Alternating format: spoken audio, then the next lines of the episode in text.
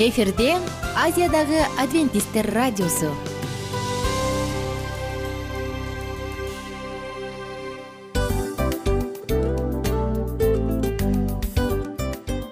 Достор салют. Баардык сүйүктүү угармандарыбызга салам айтабыз. Кутман күнүңүздөр менен. Ден соолук өмүрдүн булагы демекчи саламат саамы программасында баарыңыздарды көргөнүбүзгө абдан кубанычтабыз. Анда алгач амандашып өтөлү арбаңыздар деп. Ден соолугуңуздар кандай элибизде көбүнчө ден соолук кандай дегенде эле жакшы деп жооп беребиз э ооруп турсак дагы жакшы дейбиз. Анан мен муну айтып ойлойт элем бул абдан сонун сөз депчи анткени бул жакшы деген үмүт да э ооба баары жакшы болот. Баары сонун. Деп үмүттөнүп атып эле өзүбүздү өзүбүз дарылап коебуз. Анысы кандай сиздин дагы ден соолугуңуз жакшы беш деген үмүттөбүз чындыгында ден соолук бул өмүрдүн булагы деп бекеринен айтылган эмес деп ойлойм. Кыргыз элинде анткени эгерде ден соолук жок болсо анда адамдын жашоосунда калган баардык керектүү маңыздуу нерселер өзүнүн баалуулугун жоготуп коет. Ошондуктан ден соолук бул эң керектүү нерсе. Ооба туура айтасың кесиптешим. Чынында ден соолугуң жок бир эки үч күн ооруп калсаң эле э кандай болуп калат? Жашоодо көз каранды болуп каласың көп нерсеге жетишпей каласың көп нерсени кыла албай каласың жада калса эшикке дүкөнгө да чыга албай каласың. Туптуура анан ден соолук болсо демек биз биздин бактыбыз тоодой деп койсок болот. Анда достор саламат саамы рубрикабызды баштайлы. Алдыда өзүңүзгө керектүү болгон сонун кеңештерди уга аласыздар. Мына ошондуктан биз менен бирге болуңуздар. Ал эми биз болсо милан жана айнура. Кеттик алга. Алга саламат саама ден соолуктун жарчысы. Саламат саама ден соолуктун ачкычы. Күн сайын сиз үчүн мыкты кеңештер сонун жаңылыктар кызыктуу фактылар. Биздин рубрикада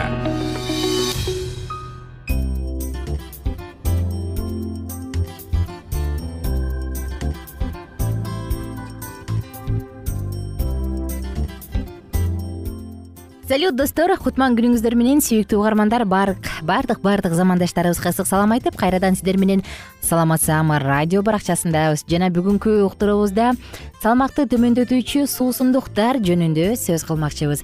Мурунку уктурууда эмне үчүн мөмө жемиштерди жеш керектигин айтканбыз. Эми бүгүн болсо дал ушул суусундуктардын өздөрү менен тааныштырабыз эгер сиз мөмө жемиш жашылчалардан жасалган суусундуктарды сок деп коебуз смузилерди салмакты азайтуунун натыйжасында же ушул максат менен иче турган болсоңуз анда сөзсүз түрдө катуу азыктардын бир жолкуусунан баш тартасыз. Ал үчүн сизге эмнени эске алыш керек? Эң эле башкы кезекте кадимки сок же смузи даярдап алган соң ага кум чекер кошпоңуз салмакты азайтам деп смузи жасап туруп ага кумшекер кошпоңуз сахарбы же башка таттуу кылуучу каражаттарбы клен сиропубу айырмасы жок эч нерсе кошпоңуз. Анын ордуна стевия же башка бир нерсе кошуп койсоңуз болот. Эч нерсе кошпой да иче алсаңыз ичкениңиз жакшы. Ошондой эле жашыл соктор жашыл соктор салмакты азайтуучу эң мыкты каражат булардын карамында витаминдер минералдар антиоксиданттар жана абдан аз калорий болгондуктан арыктоого мыкты жардамчы. Жана дагы айта турган болсок э, жашыл соктор менен чогуу аз калориялуу жашыл соктор менен чогуу дагы башка эмнени ичем дей турган болсоңуз көнүгүүлөрдү кошуп коюңуз. Бул дагы албетте сизге мыкты сонун натыйжаны берет. Мөмө соктору жөнүндө сөз кылсак алардын курамында белгилүү бир өлчөмдөгү сахар жана калорий бар жана көп эритилүүчү клетчаткалар бар. Булардын баары эритилбейт. Алар ушул салмакты таштоочу программада чоң ролду ойнойт. Жана албетте алардын курамында антиоксидант фитохимикат жана башка витаминдер бар болгондуктан организмди тазалоочу дагы мыкты касиетке ээ. Смузи жөнүндө сөз кылсак смузиде клетчаткалар бар болгондуктан фруктуда мөмөдө канча клетчатка болсо ошончо клетчатка бар болгондуктан ал дагы адамды батыраак ток кармайт сокко караганда. Аларда дагы детоксикациялык жана тазалоочу касиети бар. Чөп чайлар бульон жана муздак суптар жөнүндө сөз кылсак булар дагы салмакты таштоочу программада маанилүү ролду ойнойт. Ошондуктан алардын курамында дагы калорий аз болгондуктан булардын баардыгы акырындык менен салмакты азайтып кайра жанадан жана дагы ден соолукту калыбына келтирүүгө жардам берет. Э, биз бир аз сөз кылсак мисалы кайсында анда кайсыны ичиш керек кайсыны ичсем көбүрөөк батыраак арыктайм эмне кылыш керек дегенде биз эң эле алгач калорий жөнүндө сөз кылсак. Калорий зеленый соктордо жашыл соктордо бир плюс мөмө сокторунда эки плюс смузиде үч плюс ал эми чөп чайларда жок. Сахар жашыл соктордо бир эле плюс мөмө сокторунда эки смузиде үч үч плюс чөп чайларда минус. Клетчатка. Жашыл соктордо бир плюс мөмө сокторунда эки смузиде үч плюс чөп чайларда минус. Антиоксиданттар. Зеленый сок. Жашыл соктордо үч плюс мөмө сокторунда эки плюс смузиде бир плюс чөп чайларында үч плюс. Караңыздарчы эгер сиз ушул курс леченияны лечениянын дарылоонун курсун салмакты азайтуу максатында колдоном десеңиз анда мындай эмес э мисалы түшкү тамакты жеп туруп анан артынан смузи же сок ичүүнүн кереги жок.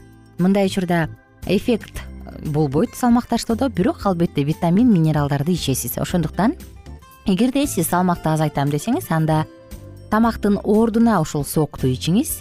Мисалы түшкү тамакты же кечки тамакты калтырып туруп анын ордуна сокту ичиңиз ошондо сиз салмакты да азайтасыз витамин минералдар жана антиоксиданттарга дагы организмиңизди байытасыз арыктоо учурундагы арыктоо программасындагы эң эле алгачкы биз бадыраң согуу жөнүндө бир аз айтып кетким келип турат. Убактыбыздын жетишинче мында май калорий жокко эсе бирок минерал калий магний кремний сера сыяктуу минералдарга абдан бай жана булар зат алмашууда мыкты ролду ойнойт зара акып алуучу касиети зор тартрон кислотасы бар ошондуктан дал ушул нерсе лимон лимон дебедимби бадыраң ширеси алма кошуп иче турган болсоңуз абдан жакшы жардам берет. Сельдерей экинчи жашыл сок сельдерей дагы зара акып алуучу мыкты касиетке ээ тазалайт. Булардын баардыгы организмдеги токсиндерди чыгарат зат алмашууну жакшыртат. Бул дагы салмакты төмөндөтүүчү программада мыкты каражат. Ананас ширеси сезгенүүгө каршы жана тазалоочу суусундук токсиндердин баардыгын жок кылат. Зат алмашуунун баягы азайып акырындап калган зат алмашууну алдын алат жана семирүүгө жол бербейт. Алма же груша ширеси амазона штатындагы амазонас бразилиядагы амазонас штатындагы федералдык университетте ал жакта атайын изилдөө өткөрүшкөн дагы анан күнүнө үч жүз грамм рационуна алма кошо турган же груша алмурут кошо турган айымдар бир айда бир килограмм салмак таштагандыгын далилдешкен. Бирок албетте эгерде алар ушул эле рационго бир эле сулуу печеньясын кошуп койсо анда салмак азайган эмес. Караңызчы э кызык. Табигый алма ширеси жөнүндө сөз айталы. Мында биз баягы дүкөндө сатылган алма эмес өзүбүз жасаган алма же алмурут булардын баардыгы тең. Бүтүн алманы жегенге мыкты альтернатива болуп берет. Эгерде сиз э, үч төрт алманы бир убакта жей албасаңыз бирок э, алманы ичиш керек арыкташым керек десеңиз анда анын ордуна бир стакан дал ушул ширени ичип койсоңуз болот. Эки алма же эки алмурут орто көлөмдөгү бир стакан сокко барабар эгер сиз бир стакан жаңы сыгылган ширени ичип койсоңуз демек эки алманы же эки алмурутты жегенге барабар болосуз. Дал ушундай натыйжа менен бир айда бир килограмм салмак таштай аласыз. Андан тышкары эгерде жок батыраак таштайт элем десеңиз көнүгүүлөрдү кошуңуз жана башка ыкмаларды кошуңуз. Достор сиздер менен коштошчу учурга келдик. Ар бир угарманыбызга кааларыбыз бекем ден соолук оорубаңыздар. Жашыл чөп чарлар бул бир гана арыктоочу мыкты каражат эмес. Алар анти оксиданттык заттарга дагы бай болгондуктан бизди ар кандай оорулардан сактайт. Ошондуктан жаш бойдон калгыңыз келсе рационуңузду бир сыйра карап чыгыңыз демек элек достор бар болуңуздар. Күнүңүздөр көңүлдүү улансын. Кийинки уктуруудан амандашканча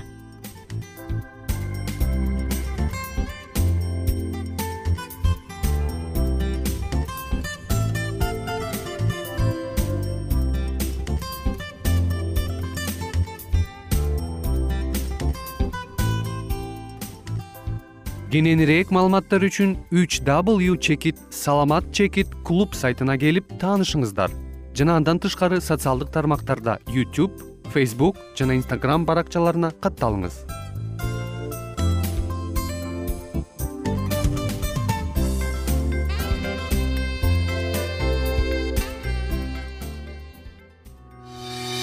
саламат саама ден соолуктун жарчысы. Саламат саама ден соолуктун ачкычы. Күн сайын сиз үчүн мыкты кеңештер сонун жаңылыктар кызыктуу фактылар биздин рубрикада.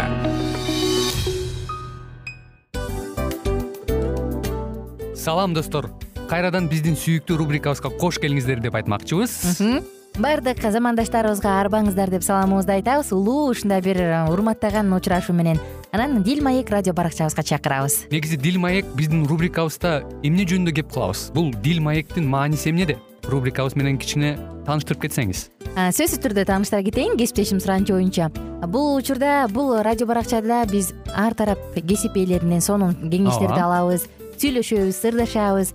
Аталарыбыздын эжелерибиздин апаларыбыздын кеңештерин угабыз айтор жан дүйнөгө адамдын э, сапатына адамдын деги эле адам болуп жашашына керектүү баардык кеңештер алдыда. Негизи э, дил маек дегенде баягы эки адамдын ортосундагы сырдашуу кенен сүйлөшүү. Негизи эле биз адамдар бири бирибиз менен бир жерге жай жерге отуруп алып өзүнчө тынч э, жашоо жөнүндө өмүрүбүздө эмне болуп атканын бөлүшкөнү жакшы көрөбүз э адамдар. Ооба туура айтасың анан мындай учурга кээде убакыт да жетпей келет э? Же болбосо сырыңды кайгыңды муңуңду кубанычыңды айткың келет а адамга ишенбешиң мүмкүн. Ооба. Бул радио баракча угармандарыбыздын чыныгы досу. Анткени бизден алган кеңеш сиздин жашооңузга чоң жардам берет. Ал эми сиздин бизге айта турган сөзүңүз ортодо гана сыр бойдон калат. Ошондуктан биздин дил маек рубрикабызга дагы бир жолу кош келиңиздер.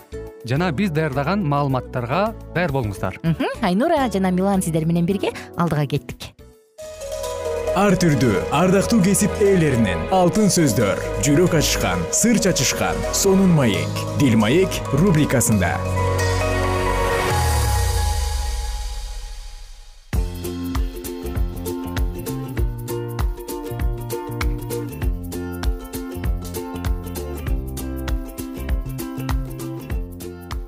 саламатсыздарбы? Биздин кадырлуу сүйүктүү досторубуз радио угармандар. Жалпыңыздар менен кайрадан дил маек радио баракчасындабыз. Демек бул саатта сиздер менен бирге маектешебиз сүйлөшөбүз эң сонун жаңылыктарды бирге угабыз.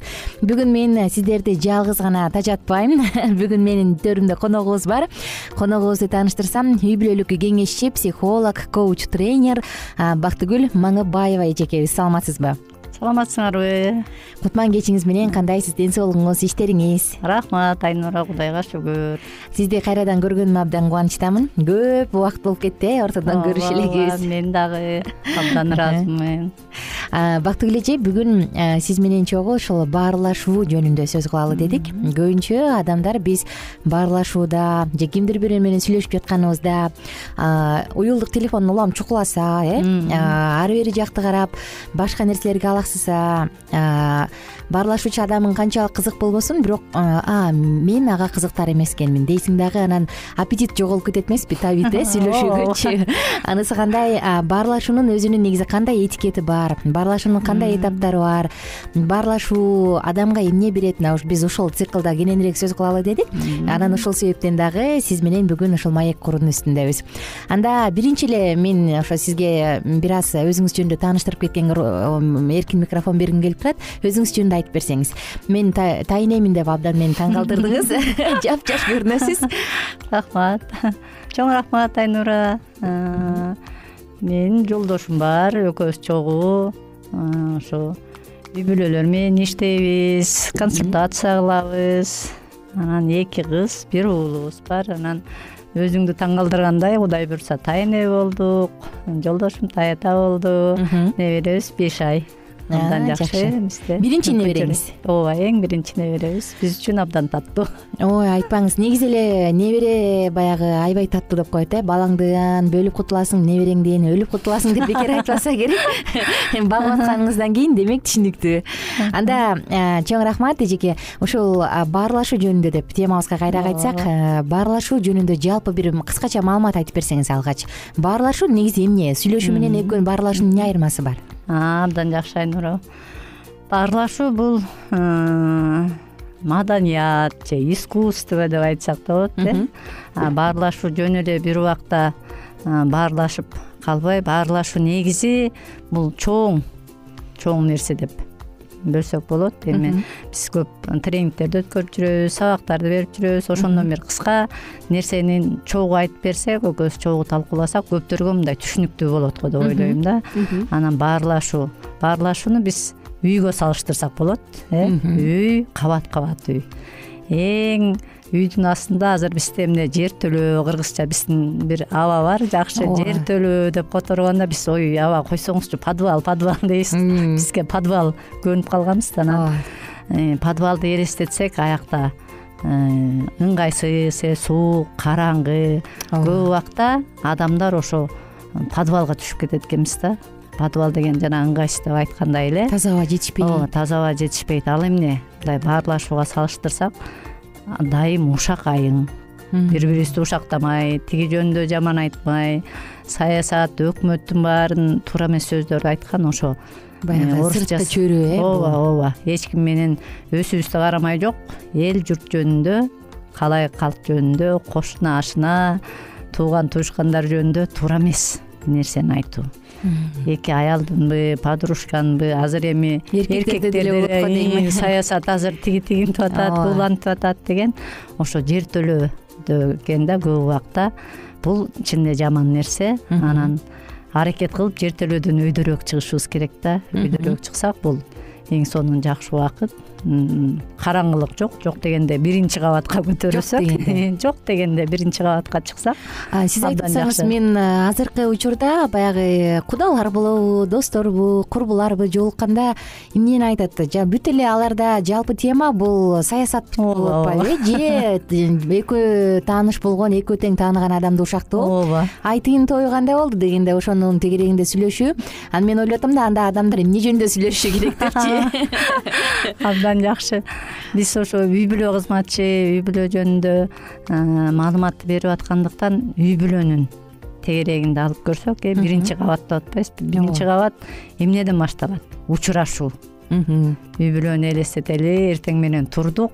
Жубайлар. ооба жубайлар. Балдар менен Э, э, же? кандай дейбиз? Эртең менен балдар азыр балдар да кандай? Ай кандай? Жакшы уктап жакшы турдуңбу «Э, доброе утро! деп коюшат э же түнгө чейин тиги чукулайыш болсо анда уктай албай ооба. эртең менен болбой түш болуп кетиши мүмкүн да. Жок дегенде ошо учурашуу же эшикке чыктык кошунаны көрдүк ай кандай? Жакшысыңбы? Деген мындай учурашуу деңгээлинде. Бирок көп убакта үй бүлөдө деле учурашуу болбой калат э. Эртең менен Айтпаңыз. э, бирөө турду кетип калды же өзүң туруп кетип калдың балаң калды уулуң калды дегендей мындай учурашуу маалымат деле жок да ошон үчүн жок дегенде эшикке чыкканда кошунанын кээ бирөөсү менен учурашасың кээ бирөөсү менен учурашпайсың. Анан бизде дагы бир эже бар эле анан көрдү ойбой америкалыктар жакшы баарына эле хай бай! деп учураша беришет экен дейт. Анан бизде андай эмес э биздин маданиятта тааныбаган киши менен биз учурашпайбыз. Кээде таанысак деле көрмөксөң көз алып кетебиз э. Ооба ооба. Бирок ошон үчүн учурашсак учурашуудан жок дегенде баштасак бул абдан жакшы болмок да. Бул демек биринчи кабат. Ооба эң биринчи кабат жакшы. биз кийинки уктурууларыбызда кийинки кабаттар үйдүн чатыры пайдубалы эмне мына ушул тууралуу дагы сөз кылабыз жана албетте.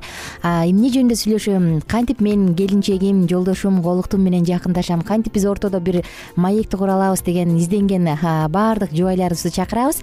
Бул уктуруубуздун соңку мүнөттөрүнө келип калдык. Анткени убакыт өтө кыска экен. Кийинки уктурууда дагы сонун кызыктуу маалыматтар болот деп кепилдик бере алам. Угармандар мына ошондуктан биз менен бирге болуңуздар аты жөнүм айнура миназарова жана биздин бүгүнкү коногубуз үй бүлөлүк кеңешчи коуч тренер бактыгүл эжекебиз сизге ыраазычылык айтам келип бергениңиз үчүн. Жана достор кийинки уктурууда баарлашуу тууралуу кебибизди улантабыз биз менен бирге болуңуздар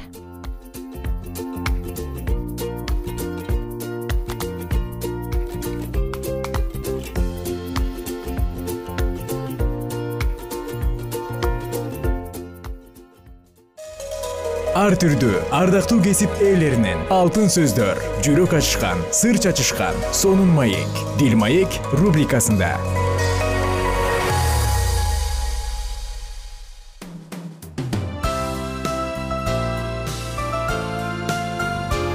Эфирде азиядагы адвентисттер радиосу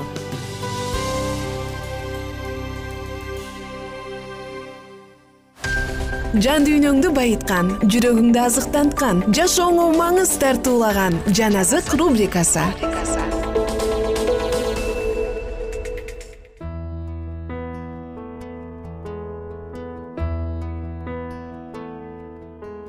Салют достор баардык сүйүктүү угармандарыбызга салам. Жаназык радио баракчасы жана сиздер менен бирге тип жана анын шам чырагы деп аталган сонун китепти улантабыз тип унчуккан жок. Мария таң калганынан ал тургай башын көтөрүп типти карап калды.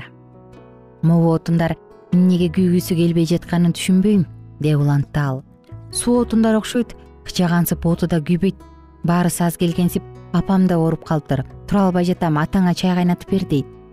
Бул чай аязы бир жумадан кийин кайнайт окшойт деди да мария ыйлап жиберди. Мария он бир гана жашта болчу бирок башына түйшүк эрте түшкөн башка балдар сыяктуу эле ал дагы кечке эле наалып напчып талашып уруша бере турган кемпирлерге окшошуп калган эле.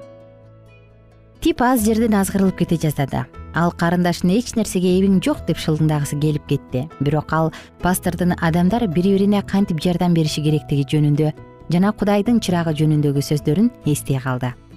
Тип бир аз уяла түшүп мештин жанына басып келди.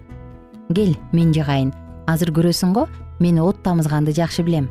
Сен ага чейин чайнекке суу куя бер. Бирок акырын куй атамды ойготуп албайлы. Он мүнөттөн кийин чай кайнат. Мария уккан кулагына ишенбей жатты. Аңгыча тип мешке отундарды өзү билгендей кылып салып майда чырпыктарды кагаздарды күйгүздү эле от тутанып отун чатырап күйө баштады. Мариянын таң калуусуна чек жок эле. Мурун жеткен жалкоо орой могу бала чын эле азыр анын колунан келбеген ишти бир паста жасап койдубу. Чынында тип дагы өзүн тааныбай жаткан. Ал бир жакшы кубанычтуу сезимге туш болду. Мариянын аябай таң калып жатканын көрүп ыңгайсызданбай да калды.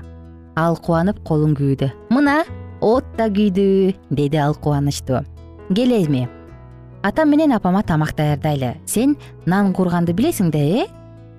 Билет болушум керек деди мария кисе мага окшоп колу башыңды күйгүзсөң сен деле тез эле үйрөнмөксүң. Кел анда эки кесим нанды экөөнө кууруп берип эки чыны чай куюп баралы. Экөөбүздөн жакшы ашпозчу чыккандай экен э?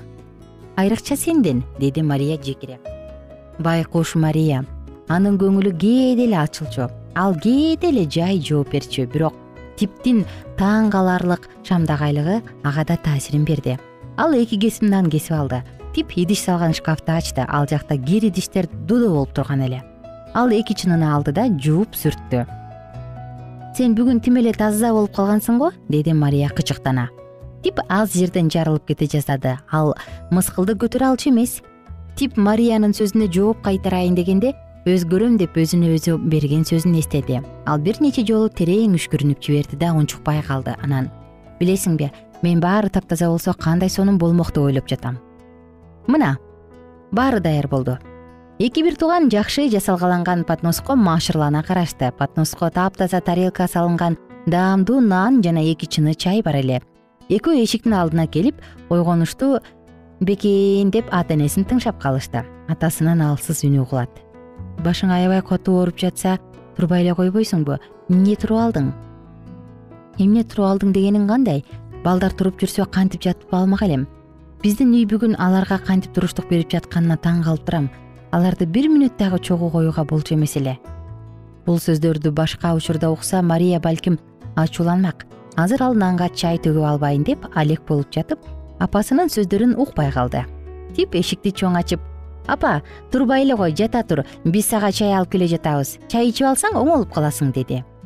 Левайым көздөрүн ала айтып бир подносту бир балдарын карап акыры муну ким даярдады? деп сурады. Мария экөөбүз деди тип кубанычы койнуна батпай. Жок балдар сөз жок силерге. Мен эч нерсе дебей эле коеюн мындай болоору үй чуктасам түшүмө кирчү эмес деди апасы. Анын чарчаган жүзүн жылмаюу аралады. Балдар ашканага кайтып келишти. Типке эмне болгонун мария таптакыр түшүнө албай койду. Ал сыртка чыгып балта таап алып отун жара баштады жарым сааттан кийин отун салган үкөк жарылып тыкандык менен тизеленген отунга толуп чыкты. Байкесинин таң каларлык жүрүш турушунун таасири менен мария кир идиштердин баарын жууп ал тургай үйдү да шыпырып жиберди. Тип ушул таңды өмүр бою унуткан жок анткени бул анын жаңы жашоосунун башталышы эле. Саат сегиз болоруна аз калган. Окуучулар мектепке кириш үчүн коңгуроону күтүп эшиктин алдына чогулуп калышкан эле левилердин үй бүлөсүндө бүгүн бир керемет болгону анык деп кыйкырып жиберди балдардын бири. Карасаңар тип мектепке кечикпей келе жатат. Тип чечкиндүү кадам таштап дөбөдөн чыкты. Каникул бүтүп окуу башталган эле. Тип бүгүндөн тартып дайыма кечикпей келип сабакта калтырбайм деп чечкен. Анткени ал буга чейин эч качан мындай кылчу эмес. Ал окуган мектеп шаар боюнча жалгыз мектеп болгондуктан типтин классташтарынын арасында жетиштүү үй бүлөнүн балдары ошондой эле эч кандай тарбия көрбөгөн жеткен тентек бир нече бала да окучу. Салам эски дос жашооң кандай? деп кыйкырды боб тернер аны утурлай. Каникул учурда боб шаарда болбогондуктан типтин жашоосунда болуп өткөн өзгөрүү тууралуу анын эч кабары жок эле досунун саламын укканда тип селт эте түштү боб менен болгон достугунан улам келе турган көп азгырыктарга эми ал туруштук бере алат болду бекен ушуга чейин боб менен тип жаны бирге ынак достордон эле. Экөө тең бейбаштык кылууну жакшы көрчү бирок тип бир нече аптадан бери экөөнүн ортосунда аларды бөлүп турган туңгуюк пайда болгонун сезип турду. Коңгуроо кагылып окуучулар чурулдаган бойдон класска киришти. Адаттагыдай эле боб типтин жанына келип отурду тип ичинен чоочулай бобду карап койду. Бирок боб сабакты көп калтыргандыктан ал мени азгыра албайт деп өзүн жооткото отуруп калды. Ардактуу достор биз кызыктуу аңгемебизди ушул жерден улантабыз. Типтин аркы жашоосу эмне болот? Анда кандай финиш күтүп турат? Булардын баардыгы кийинки уктурууларда. Азыр болсо угармандарыбыз менен коштошобуз чындыгында чечим чыгарган адам сөзсүз түрдө кудайдан колдоо табат. Ошондуктан бүгүн эгер жаман адаттан арылам деген чечимиңиз бар болсо анда жаратуучу сизге жардам берсин. Достор ар бириңиздердин көңүлүңүздөр көңүлдүү улансын. Күнүңүздөр эртеңки кийинки уктуруудан амандашабыз.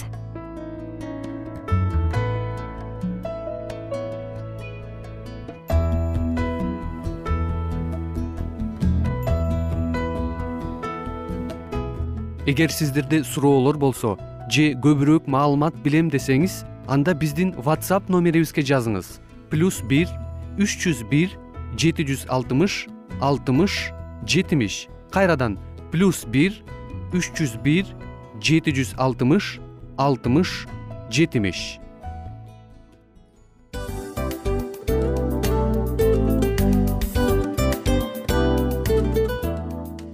мына ушинтип убакыт дагы тез өтүп кетет экен. Биз дагы радио уктуруубуздун аягына келип жеттик. Келип кубандырдыңар эми кетип кубандыргыла деп тамашалап калышат эмеспи? Анысы кандай? Радио баракчабызды программабызды азыр эле баштап аткандай болдук элек. Мына соңуна келдик э? Негизи убакыт э, билинбей өтүп кетет экен. Мен дагы э, убакыт дегенде бүгүн бир адам менен сүйлөшүп калдым. Анан убакыт бул мүмкүнчүлүк деп айтып өзүмө өзүм айтып алып анан мага өзүмө эле кайра ачылыш болду да чын эле Э, карап отурсаң ошол эле жыйырма төрт саат ошол эле жарым саат кайталанып атат. Бирок сендеги мүмкүнчүлүк жок ошол кой берилип кетти? Анысы кандай? Бүгүнкү сонун убактыңызды алтындай болгон жарым саатыңызды бизге бөлүп арнаганыңыз үчүн ыраазычылык айтабыз. Анан жашооңуздун кайсы бир сферасын өзгөртө турган сонун пайдалуу кеңеш алган болсоңуз анда биз максатыбызга жеттик анан ушул нерсени кылбасам десеңиз ошол өзгөрүүлөрдү кичинекей кадамдардан баштап иш жүзүнө ашырыңыз дагы жашооңузда чоң чоң ийгиликтерге жетиңиздер чын жүрөктөн ар бир берилген кеңештер сөздөр сиздерге пайдасын алып келет деп ишенебиз. Жана кийинки уктурууларда сөзсүз түрдө чыдамсыздык менен сиздерди күтөбүз. Сагынычтуу салам айтып кайрадан дал ушул жыштыктан баардыгыңыздарды тосуп алганча кызматта мен айнура жана кесиптешим милан. Анда кол булгалайбыз. Жалпыңыздарга ийгиликтүү күн. Саламатта калыңыздар